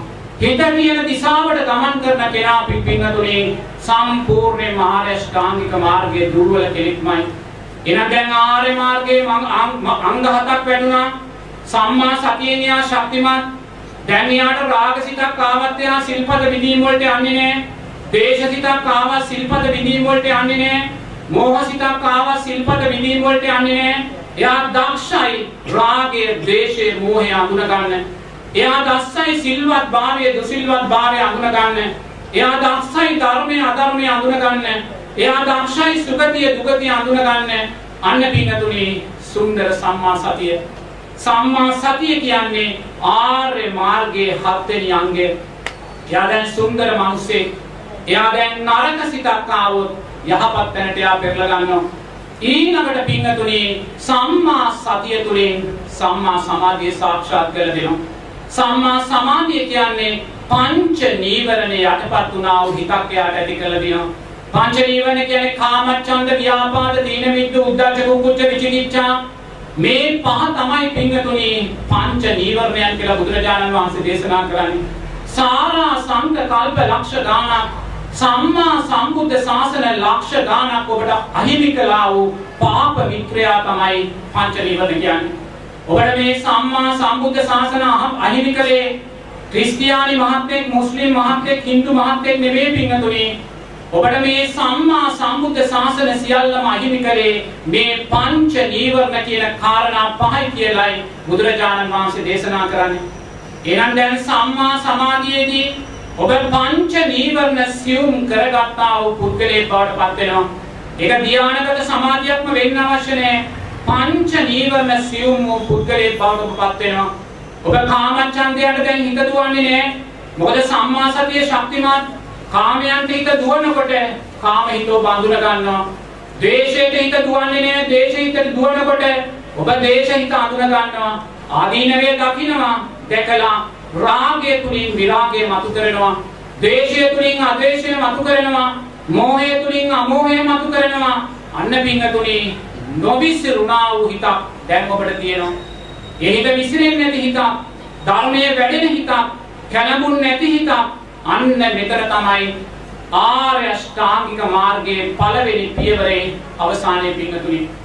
දැන් ඔබ ආර්ය අෂ්ටාංගික මාර්ගයේ මාර්ග අංග හත වඩලා නොවිලිසුනා වූ හිතක් ඇති කර ගන්නවා. පංච නීවරණ නැති වුණා වූ හිතක් ඇති කර ගන්නවා. එහෙම ඇති කරගෙන දැන් ඔබ මොකද කරන්නේ? ඒ පංච නීවරණ අඩු වුණා වූ හිතෙන් ඒ සමාධිමත් හිතෙන් අවශ්‍ය නම් මේ ධානගත හිතෙන් ඔබ මේ මුළු ආර්ය අෂ්ටාංගික මාර්ගයම විදර්ශනාවෙන් දකින්න පිංගතු. ඔබ මේ මුළු ආර්ය අෂ්ටාංගික මාර්ගයේ විදර්ශනාවෙන් දකිනවා. මේ ආර්ය අෂ්ටාංගික මාර්ගයේ සෑම පියවරක්ම විදර්ශනාවෙන් දකින මොහොතක් මොහොතක් පාසා උතුම් සතර සතිපට්ඨාන ධර්මයන් ඔබ තුල වැඩෙනවා පින්වතුනි. මොකද බුදුරජාණන් වහන්සේ දේශනා කරනවා නිවන් මාර්ගයේ නිවන් සාක්ෂාත් කර ගැනීමේ උතුම් සෝවාන් සකෘදාගාමි අනාගාමි අරිහත් ඵලයන් සාක්ෂාත් කර ගැනීමේ තීරණාත්මකම සාධකය මේ උතුම් සතර සතිපට්ඨාන ධර්මයන් කියලා පින්වතුනි. මේ උතුම් සතර සතිපට්ඨාන ධර්මයන්මයි නිවන් සාක්ෂාත් කිරීම ඔබට සිද්ධ කරලා දෙන්නේ. ඒ නිසා ඔබ දක්ෂ වෙන්න ඕනේ නිරේතුරුව බුදුරජාණන් වහන්සේගේ ධර්මයට අදාළව හිතලා බුදුරජාණන් වහන්සේ දේශනා කරනවා නම් ආර්ය අෂ්ටාංගික මාර්ගයයි නිවන් මාර්ගය කියලා මේ ආර්ය අෂ්ටාංගික මාර්ගයේ තුලින්ම සතර සතිපට්ඨානයන් මතු කරගන්න අපි දක්ෂ වෙන්න ඕනේ පින්වතුනි. අපි ආර්ය අෂ්ටාංගික මාර්ගයෙන් බැහැරව සතර සතිපට්ඨානය මතු කරන්න ගියොත් පින්වතුනි ප්‍රශ්න ඇති වෙන්න පුළුවන්. ඒ නිසා නිරේතුරුව බුදුරජාණන් වහන්සේගේ ධර්මයට අදාළව නිවන් මාර්ගය ආර්ය අෂ්ටාංගික මාර්ගයයි නිවනේ තීරණාත්මක සාධකයේ සතර සතිපට්ඨානයයි එහෙනම් ආර්ය අෂ්ටාංගික මාර්ගය තුලින් සතර සතිපට්ඨානය මතු කරගන්න වෙනවා පින්වත්නි අපිට. ඒ නිසා නිරේතුරුව පින්වතුන්ලා දක්ෂ වෙන්න ආර්ය අෂ්ටාංගික මාර්ගයේ ශක්තිමත් කරන්න සමහර පින්වතුන්ලා ඉන්නවා නොදන්නා භාවය නිසා ආර්ය අෂ්ටාංගික මාර්ගයට හිත යොමු කරන්නේ නැහැ. මොකද වර්තමානයේ යම් යම් ප්‍රවණතාවයන් තියෙනවා නිවන් දකින්න සීලය අවශ්‍ය නැහැ කියලා. එහෙම දෙයක් ධර්මයේ කොතනකවත් නැහැ. සීලයට අදාළ අංග තුනක් ආර්ය අෂ්ටාංගික මාර්ගයට බුදුරජාණන් වහන්සේ දීලා තියෙනවා. සීල ආර්ය අෂ්ටාංගික මාර්ගයේ මාර්ගාංග 8න් මාර්ගාංග තුනක්ම අදාළ වෙන්නේ සීලයටයි පින්නතුනි. එනම් සීලෙන් තොරව උතුම් සෝවාන් සකෘදාගාමි අනාගාමි ඵලය ගැන කතා කරන්න අපිට බැහැ. මොකද ආර්ය ශ්‍රාමික මාර්ගයේ මාර්ගාංග 8න් මාර්ගාංග තුනක් තියෙන්නේ සීලයට අදාළවයි. ඒ නිසා නිරේතුරුම පින්වතුන්ලා තුල සිල්පද දුර්වල වෙනවා නම් පින්වතුන්ලා තුල කර්මය කර්මඵල විශ්වාසය දුර්වල වෙනවා නම් පින්වතුන්ලා සීමාව ඉක්මවලා කේන්ති ගන්නවා නම් පින්වතුනි භාවනා කරන්න කලබල වෙන්න එපා. සෝවාන් ඵලයට පත් වුණ කෙනාට කේන්ති යනවා. නමුත් ඒ කේන්තිය අපායගාමී කේන්තියක් නෙමේ. නමුත් අපායගාමී කේන්තියක් නොවන්නේ ඇයි? සෝවාන් ඵලයට පත් වුණ කෙනා පංච උපාදානස්කන්ධයේ අනිත්‍යභාවය දැකලායි තියෙන්නේ. පංච උපාදානස්කන්ධයේ අනිත්‍යභාවය දැක්ක කෙනා රූපයක් පස්සේ වෙන මොහොතේම එයා අඳුන ගන්නවා දැන් රාගසිතක් ඇති වුණා කියලා. මොකද සෝවාන් වෙච්ච කෙනාට රාගසිත ඇති වෙනවා එයා තුල කාමරාග පටිගයන් තියෙනවා. එයා තුල රාගසිතක් ඇති වෙද්දී රාගසිතය අඳුන ගන්නවා පින්තුනි. ඒ අඳුනා ගැනීම තුළ එයා ආදීනවේ දකිනවා. දැකලා රාගසිතේ නිස්සරණිය උදෙසා යනවා. එයාට ද්වේෂසිතක් ඇති වෙනවා. එයා කේන්ති යනවා. කේන්ති ගියත් ඒක අපායগামী අකුසල් කරන්නේ නැහැ. මොකද ද්වේෂසිත හඳුනා ගැනීමේ සතිය සිහිය සෝවාන් පුද්ගලයා සතුයි පින්නතුනි. ඔහු දේශසිත දේශසිතක් හැටියට හඳුන ගන්නවා. ආදීනවේ දකිනවා. ආදීනවේ දැකලා ද්වේෂය විදර්ශනාමය මෛත්‍රිය බවට පත් කර ගන්නවා. ඒ නිසා නිරේතුරුවම තමන් දක්ෂ වෙන්න තමා කෙරෙහි අනුකම්පාවෙන් තමා තමාට අවංක වෙලා ජීවිතේ දකින්න. මොකද මේ ධර්මයේ සුන්දර අර්ථයක් තමයි අපි දකින්න ඕනේ තමා තුලින් තමා දකින්න ඕනේ තමා තමාට අවංක වෙන්න පින්නතුනි. තමන් තමාට අවංක වෙමින් දකින්න ඕනේ. තමා තමාට අවංක වෙමින් දකින්න ඕනේ තමා තුල ද්වේෂය තියනවද? තමා තුල රාගය තියනවද? තමා තුල මෝහය තියනවද කියලා මං අවුරුදු 24 දී පැවිදි වෙන්න ගිහිල්ලා මං 24න් පැවිදි වෙන්නේ නැතුව ගෙදර ඇවිල්ලා අවුරුදු 20ක් මට ගියා පින්තුනි මගේ ද්වේෂසිත රාගසිත මෝහසිත මට හඳුනා ගන්න තැනකට මට එන්න.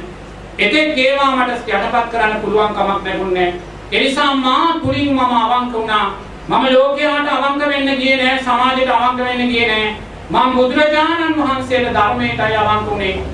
එනිසා මා තුල නිරේතුරුවම රාගසිතක් තියෙනවා කියන දකින තාක්කල් පිංගතුනේ මම ගිහි කෙනෙක් හැටියට ජීවත් වුණා. ඒ නිසා නිරේතුරුව තමා තුලින් තමා දකින්න තමා තමාට අවංක වෙමි. අනුන්ට අවංක වෙලා වැඩක් නැහැ පිංගතුනේ. තමා තමාට අවංක වෙච්ච තැන තමා බුදුරජාණන් වහන්සේට අවංක වෙච්ච කෙනෙක් වෙනවා. තමා තමාට අවංක වෙච්ච තැන ධර්ම රත්නයට යා අවංක වුණා වෙනවා. තමා තමාට අවංක වුණ තැන සංඝ රත්නයට අවංක වුණා වෙනවා. බුදුරජාණන් වහන්සේට අවංක වෙච්ච කෙනා ධර්ම රත්නයට සංඝ රත්නයට අවංක වෙච්ච කෙනාට ලෝකේ වරදින්න තවත් කරක් නැහැ පිටුතුනි. ඒ විශ්වාසය සම්මා දිට්ඨිය තුලින් තමන්ට තියෙන්න ඕනේ. ඒ නිසා ඒ විශ්වාසය ඇති කරගන්න කේන්ති ගන්නවා නම් ඒ වගේම සිල්පද දුර්වල වෙනවා නම් සද්ධාවේ දුර්වලතාවයක් තියෙනවා නම් මේ ජීවිතයේ සෝවාන් ඵලයටපත් වෙන්න බැහැ කියලා විචිකිච්ඡාවක් තියෙනවා නම් ආර්ය මාර්ගෙම වඩන්න. තව තව කල්යාණ මිත්‍ර ආශ්‍රයම ලබන්න. තව තව සද්ධර්ම ශ්‍රවණයම කරන්න. තව තව ධර්මය නුවණින් මෙහි කරන්න පිංගතුනි. සංසාරයේ මේ විඳා වූ මහා කටුක දුක නුවණින් දකින්න. සම්මා දිට්ඨිය අර්ථයන්ගෙන් තමයි මේ කටුක දුක අපිට මතු කරලා දෙන්නේ. ඒ කටුක දුක අපි නොදකින තාක් කල් පිංගතුනි තව තව ලෝභ, ද්වේෂ, මෝහයන්ට අපි රැවටෙනවා. තව තව ලෝභ, ද්වේෂ, මෝහයන්ට අපි රැවටෙනවා. ලෝභසිත මගේ කරගන්නවා. ද්වේෂසිත මගේ කරගන්නවා. රාගසිත මගේ කරගන්නවා. ඔබට අයිති ලෝභ, ද්වේෂ, රාග සිත් නිසා සංසාරේ සතර අපායේ විඳා වූ දුක් මොහොනින් මතු කරලා දකින්නේ නැහැ. ඒ නිසා මේ සංසාර බය දකින්න ආ ලෞකික ආර්ය ශ්‍රාමික මාර්ගයේ දුර්වල පින්වතා කරුණා කරලා තව තව සද්ධර්මයේ ශ්‍රවණය කරන්න. තමා තමාට අවංක වෙන්න.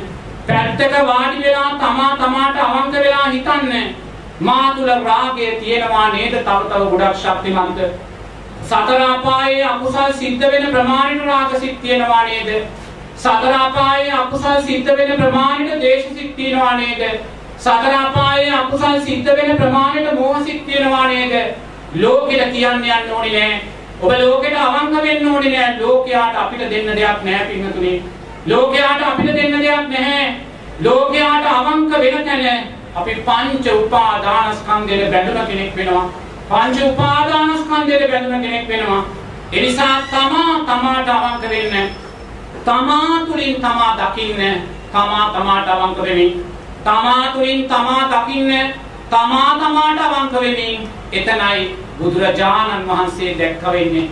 එතනයි ඔබ ධර්ම රත්නය දැක්ක වෙන්නේ. එතනයි ඔබ සංඝ රත්නය දැක්ක වෙන්නේ. මේ තුලින් පින්වතුනි ආර්ය මාර්ගයේ ශක්තිමත් වුණා. දැන් සුන්දර සම්මා සමාධියක් ඔබට තියෙනවා. ඔබේ හිත විසිරෙන්නේ නැහැ. ඔබ කුසලයේ අකුසලයේ දැන් හොඳින් අඳුරනවා. අකුසලයේ ඉදිරියේ ආදීනවයි ඔබ දකින්නේ. අකුසලයේ ඉදිරියේ ඔබ සතර අපාය මතු කරන්නේ. කුසලයේ ඉදිරියේ ඔබ ආදීනවේ දකිමින් කුසලයේ තව තව ශක්තිමත් කරගන්නවා. දැන් ඔබ පංච නීවරණ යටපත් වුණා වූ සුන්දර සිතක් ඇති කරගත කෙනෙක්. මෙන්න මෙතනයි ඒ මහත්ය අහපු ප්‍රශ්නෙට මුල දැන් මෙතනදී පටන් ගන්න. එතුමා ආයේ සතර සරිපට්ඨාන ධර්මයන් මතු කරගන්නේ කොහොමද කියන කාරණේ. මම ඊට අදාළ මේ අතුරු කාරණයක් තමයි මෙච්චරලා කතා කරන්නේ. ඒ නිසා දැන් මෙතනින් ඔන්න සතර සරිපට්ඨානේ මතු කරන්න නම් මොකක්ද අපි තුල තියෙන්න ඕනේ? පංච නීවරණ යටපත් වුණා වූ හිතක් තියෙන්න ඕනේ. පංච නීවරණ යටපත් නොවුණා වූ හිතකින් සතර සරිපට්ඨානයක් මතු වෙන්නේ නැහැ පිටුතුනි. එනම් පංච නීවරණ යටපත් වෙන්න නම් මේ මුළු ආර්ය ශ්‍රාමික මාර්ගයම ඔබ වඩන්න ඕනේ.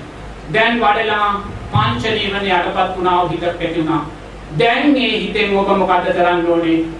ඔබ 아무තු දෙයක් කරන්න ඕනේ ආර්ය ශ්‍රාමික මාර්ගයමයි විදර්ශනාවෙන් දකින්න ඕනේ.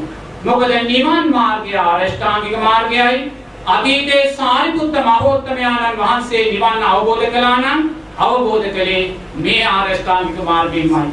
වෙන තැනකින් නෙමෙයි පින්තුනේ. එහෙනම් මේ ආර්ය ශ්‍රාමික මාර්ගයම විදර්ශනා නුවණින් දකින්න. ආර්ය ශ්‍රාමික මාර්ගයේ විදර්ශනා නුවණින් දකිද්දී පින්තුනේ අපි මුලින්ම සම්මා දිට්ඨිය අර්ථයන් විදර්ශනාවෙන් දකිනවා.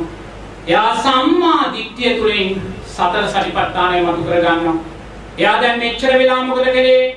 බුදුරජාණන් වහන්සේ කෙරෙහි විශ්වාසයෙන් බුදුරජාණන් වහන්සේගේ ඥානයන් ගුණයන් විශ්වාසයෙන් එයා නිරේතුව සාදු සාදු කියමින් බුදුරජාණන් වහන්සේ තුලින් පින කුසලයේ ශක්තිමත් කරගත්ත පින්තුනි ධර්ම රත්නය තුලින් පින කුසලයේ ශක්තිමත් කරගත්තා සංඝ රත්නය තුලින් පින කුසලයේ ශක්තිමත් කරගත්තා දැන් එයා මොකද කරන්නේ මේ පින කුසලය විදර්ශනාවෙන් දකිනවා මේ පින කුසලය සතර සතිපට්ඨානයන් බවට පත් කරගන්නවා.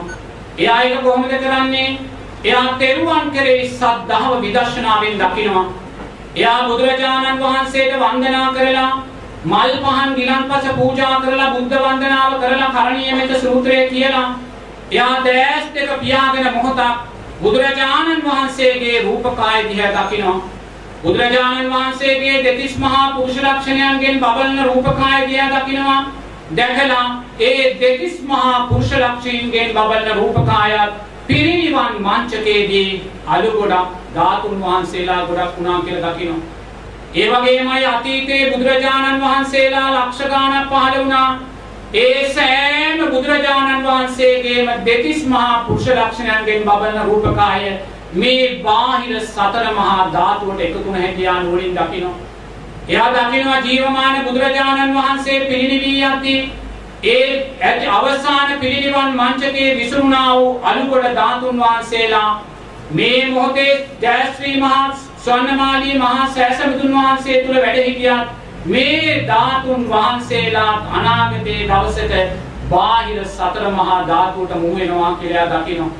එහෙම දකිනින් නිරේතුරුව මෙයා බුදුරජාණන් වහන්සේගේ රූපකාය නිතර නිරේතුරුව මෙයා දෙතිස් කුණුපයක් හැටියට මතු කළ දකිනවා පින්නතුනි. දැස් දෙක පියාගෙන ලෞතුරා බුදුරජාණන් වහන්සේගේ රූපකාය කෙස් ලොම් නිය සම්දත් මස් ඇට නහර වශයෙන් දෙතිස් කුණුපයක් කළයා දකින්න.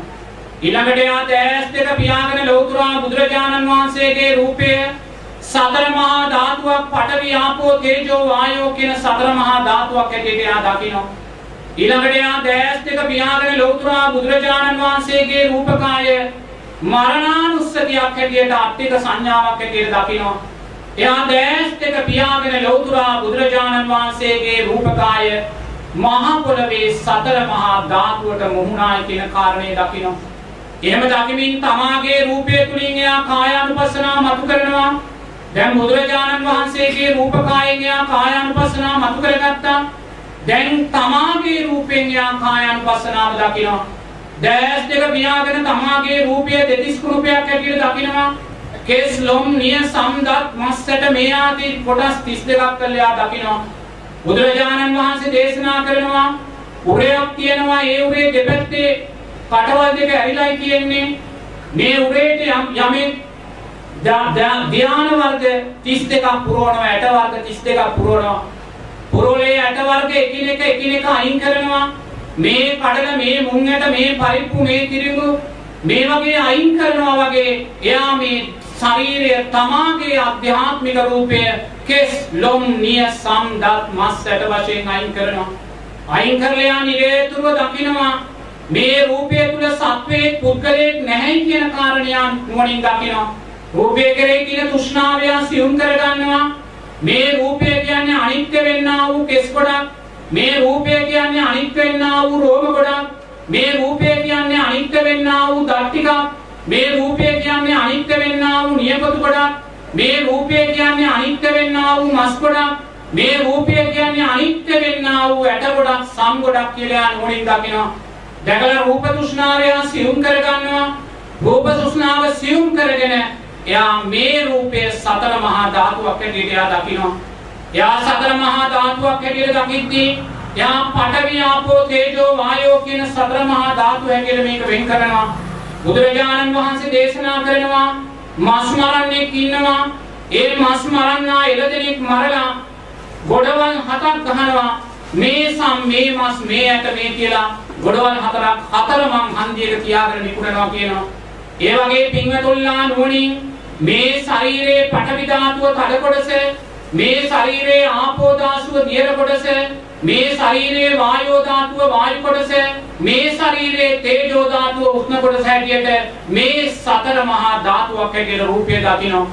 ඒ සතර මහා ධාතුවක් හැටියට රූපය දකින කෙනා තුළ රූප තෘෂ්ණාව සියුම් වෙනවා. මේ රූපය තුල මමයේ මගේ කියලා දෙයක් නැහැ කියලා එයා දකිනවා. මේ සතර මහා ධාතුවම බාහිර සතර මහා ධාතුවටම මුහු වෙනවා කියලා දකිනවා. ඊළඟට එයා තමාගේ රූපය තුලින් මරණානුස්සතිය මතු කර ගන්නවා.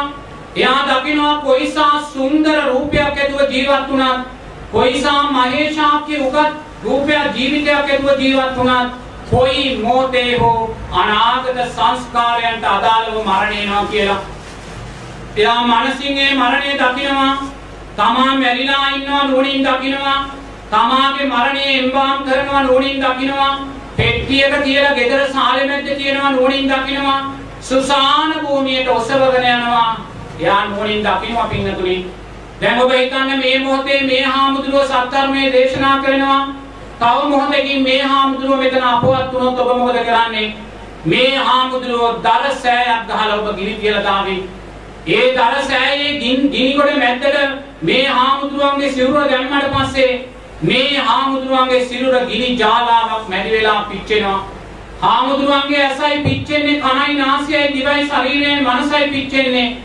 මේ හාමුදුරුවන්ගේ රූපය පිච්චි පිච්චි පිච්චි පිච්චි ගිනි දාලා නගිනකොට ඒ ගින්නට ඔබ කවදාක්වත් හාමුදුරුවෝ කියලා කියන්නේ නැහැ. ඒ ගින්නට ඔබ කියන්නේ තේජෝ ධාතුවයි කියලා. ඒ වගේම මේ හාමුදුරුවන්ගේ රූපය අර ගිනි ජාලාවේ ගිනි ගන්නේ මේ ශරීරයේ මසේ තියෙන තෙල් මතුවේවි මතුවේවි තෙලටයි ගිනි ගන්න පින්නතුනි. ඒ තෙලට ඔබ කවදාක්වත් හාමුදුරුවෝ කියලා කියන්නේ ඒ තෙලට ඔබ කියන්නේ ආපෝ ධාතුව කියලායි. ඒ වගේම මේ හාමුදුරුවන්ගේ රූපය ගිනි ගනිමින් දුන් ජාලාවක් නගිනවා. ඒ දුන් ජාලාවට ඔබ කවදාක්වත් හාමුදුරුවෝ කියලා කියන්නේ නැහැ. ඔබ කියන්නේ වායෝ ධාතුව කියලායි පින්නතුනි. ඒ වගේම අවසානයේ මේ හාමුදුරුවෝ ගිනි අරගෙන ඉවර වෙලා අලු ටිකක් ඇට ටිකක් මෙතන ඉතුරු වෙනවා. ඒ අලු ටිකට ඇට ටිකට ඔබ හාමුදුරුවෝ කියන්නේ නැහැ. ඔබ කියන්නේ පටවිය කියලායි. එහෙනම් බලන්න ඔබ දැන් මොකක්ද මෙතනදී දැක්කේ?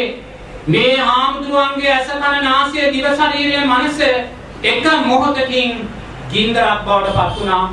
එක මොහොතකින් අලු ගොඩක් බවට දුම් ගොඩක් බවට තෙල් ගොඩක් බවට පත් වුණා.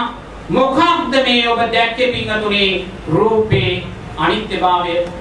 ඔබ මේ පෝෂණය කරන මේ ඇස මේ සුන්දර කරන මේ ඇස මගේ කරගෙන ජීවත් වෙන මේ සුන්දර ඇස යම් මොහොතක පින්වතුනි අලු ගොඩක් දූවිලි ගොඩක් තෙල් ගොඩක් ගිනි ගොඩක් බවට පත් වෙනවා.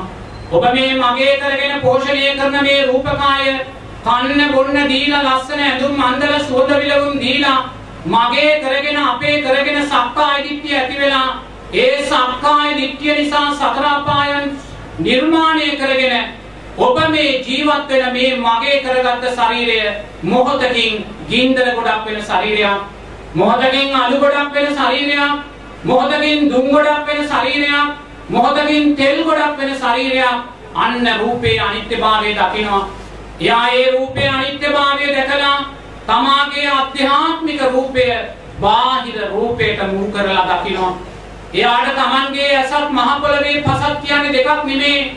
තමන්ගේ කනත් මහ පොළවේ පසත් කියන්නේ දෙකක් නෙමේ.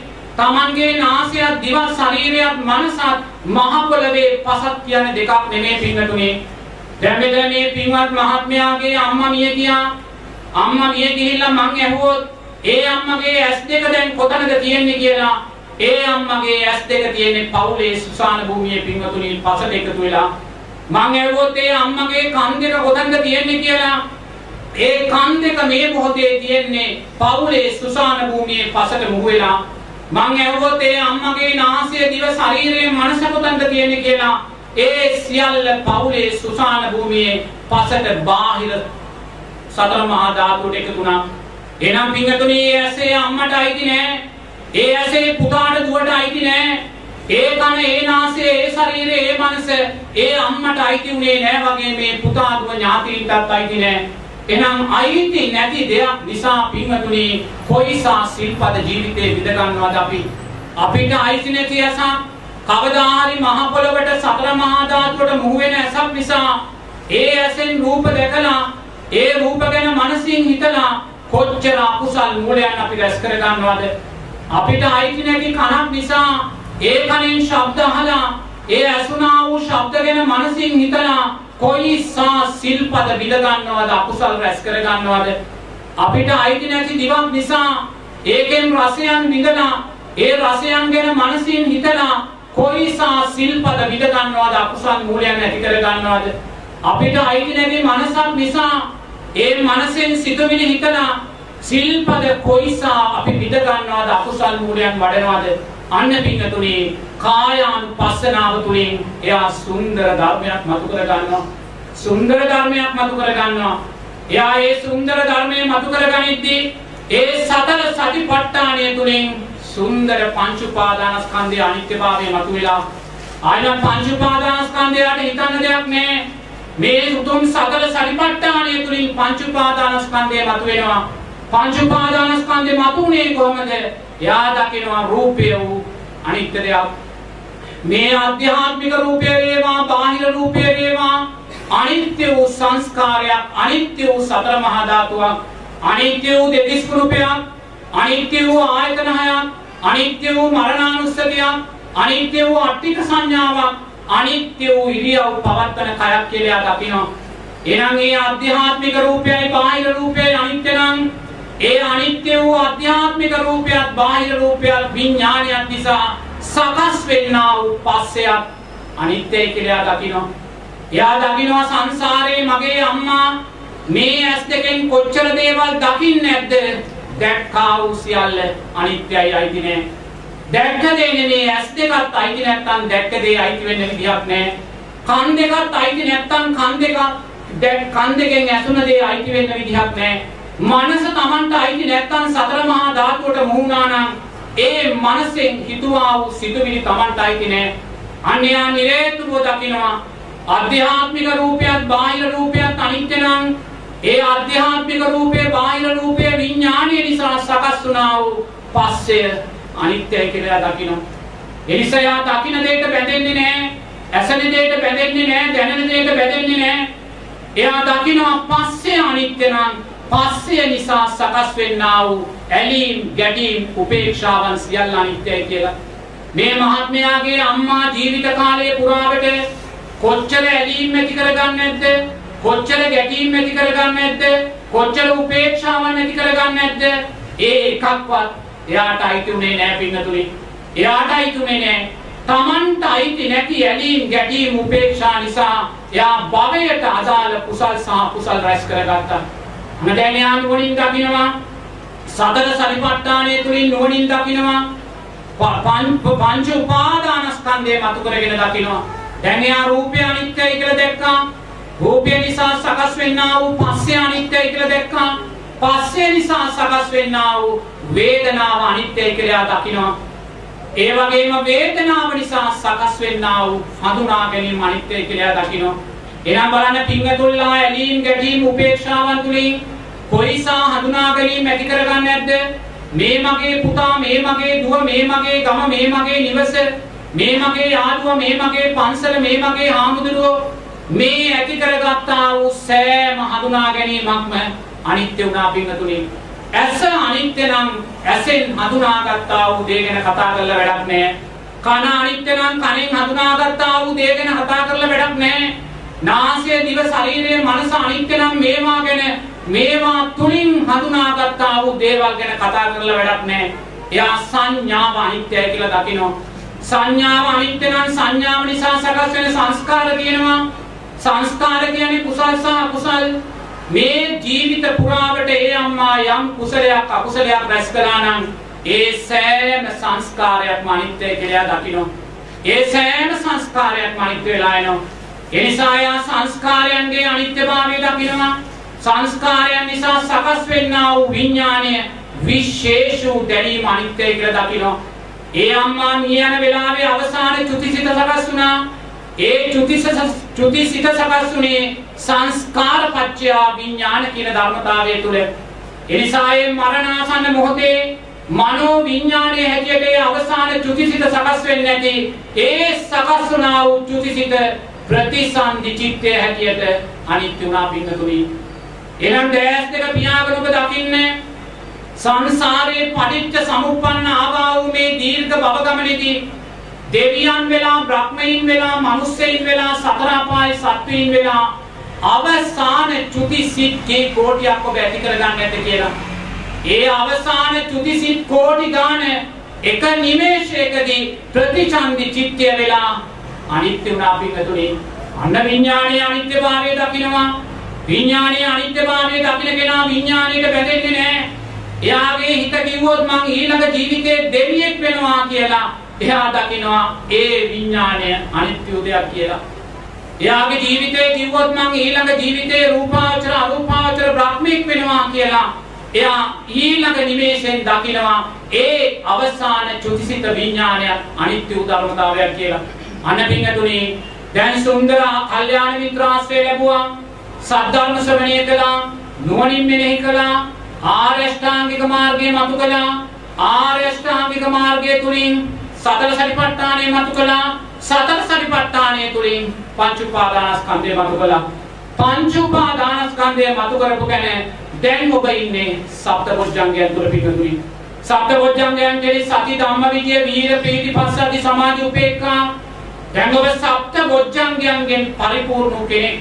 ඔබේ සප්තබොජ්ජංගයන් ලබාගත්තේ එසේ මෙසේ ගමනකින් නෙමේ පිටුතුනි. මේ සුන්දර ශ්‍රේෂ්ඨ කල්යාණ මිත්‍රාශ්‍රය ලැබලා සද්ධර්ම ශ්‍රවණය කරලා නුවණින් මෙනෙහි කරලා ආර්ය ශ්‍රාංගික මාර්ගයේ නුවණින් දැකලා ආර්ය ශ්‍රාංගික මාර්ගය තුලින් සතර සතිපට්ඨාන මතු කරලා සතර සතිපට්ඨාන තුලින් පංච උපාදානස්කන්ධයේ අනිත්‍යභාවය මතු කරලා දැන් සුන්දර සප්ත බොජ්ජංගයන් තුල ඔබ ඉන්නවා.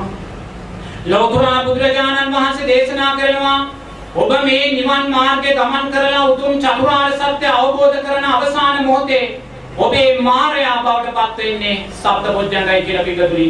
මොකද සප්ත බොජ්ජංග අත්‍යවශ්‍ය ධර්මතාවයක්. ආර්ය අෂ්ටාංගික මාර්ගයේ වැඩිම උදෙසා සප්තබොජ්ජංග අත්‍යවශ්‍ය ධර්මතාවයක්. සතර සතිපට්ඨානේ වැඩිමේදී සප්තබොජ්ජංගයන් වැඩෙනවා. පංච උපාදානස්කන්ධයේ අනිත්‍යභාවය වැඩිමේදී අපි සප්තබොජ්ජංගයන් වැඩෙනවා. වැඩිලා අවසාන මායාවේ තුරුම්පුව වඩපත් කරන්නේ සප්තබොජ්ජංගයයි. එතනදී අපි සතිය සීයට ඇලෙනවා. එතනදී සමහර විට ධර්මයට ඇලෙනවා. එයා තමා තුළ සකස් වෙන ප්‍රීතිය පස්සද්ධියට ඇලෙනවා. එයා තමා තුළ සකස් වෙන උපේක්ෂාව සමාධියට ඇලෙනවා. එතනින් අවසාන නිමේෂයේදී මායාව කොටු කර ගන්නවා සප්තබොජ්ජංග තුලින් පින්නතුලින්.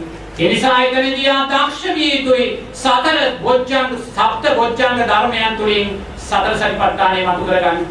යා සප්තබොජ්ජංග ධර්මයන් තුලින් සතර සතිපට්ඨානය මතු කරගන්න ඕනේ.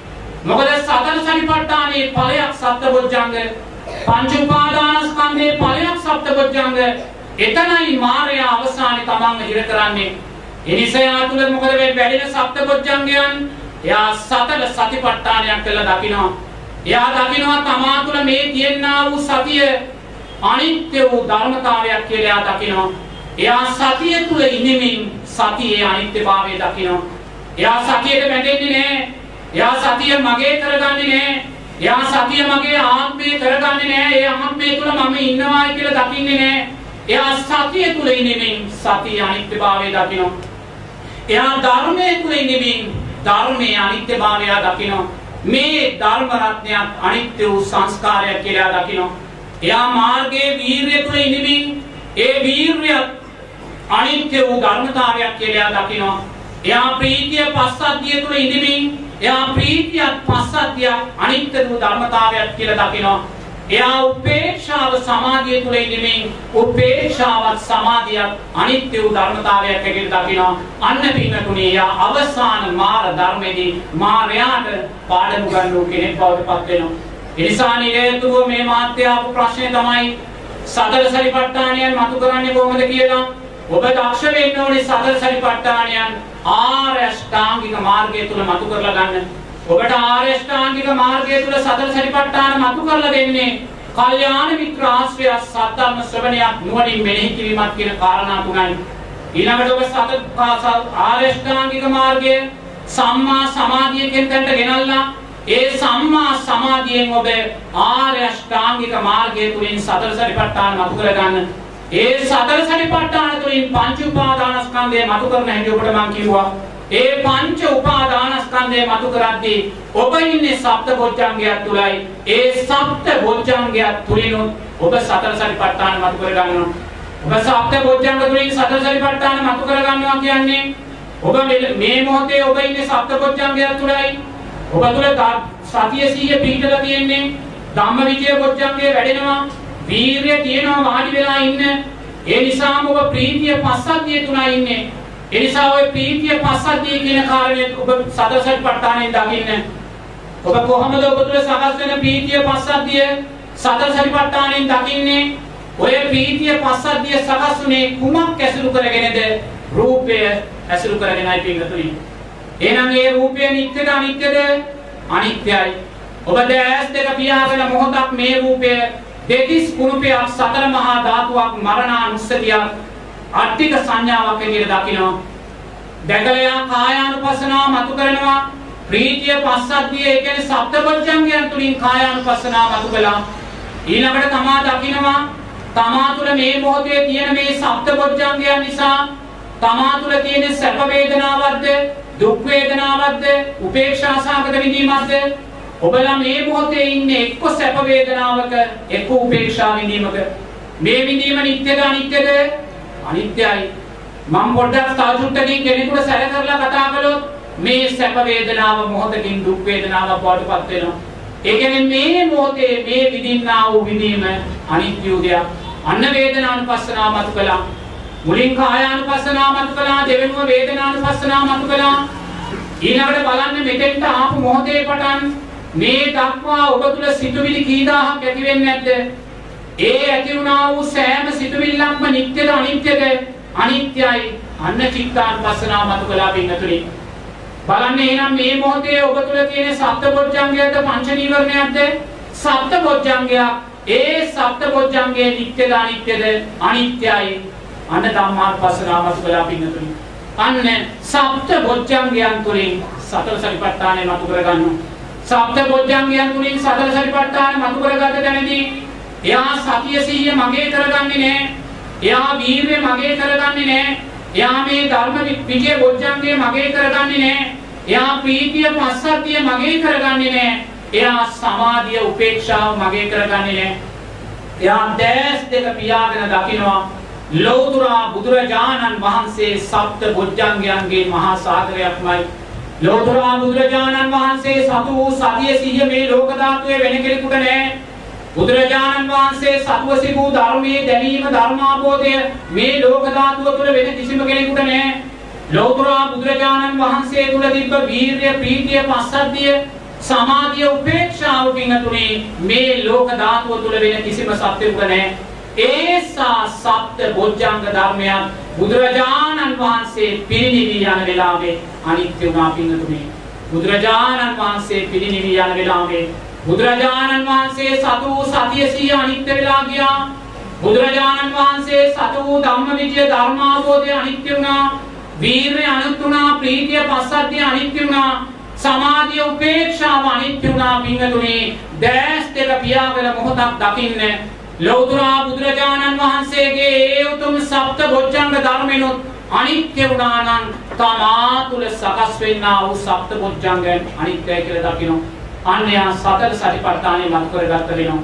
ඒ නිසා දැන් මේ මහත්ය ආපු ප්‍රශ්නේ සතර සතිපට්ඨාන මතු කරන්නේ කොහොමද කියලා මම ආර්ය අෂ්ටාංගික මාර්ගය අරන් කෙටියෙන් කිව්වේ. අනිත් සියලුම මාර්ගාංගයන්ට ඔක ආදේශ කරලා ගන්න පුළුවන්. නමුත් එහෙම ගොඩාක් වෙලා යනවා කියන්නේ මම කෙටියෙන් කිව්වේ දැන් ඔබට ඔක මතු කරලා ගන්න පුළුවන්.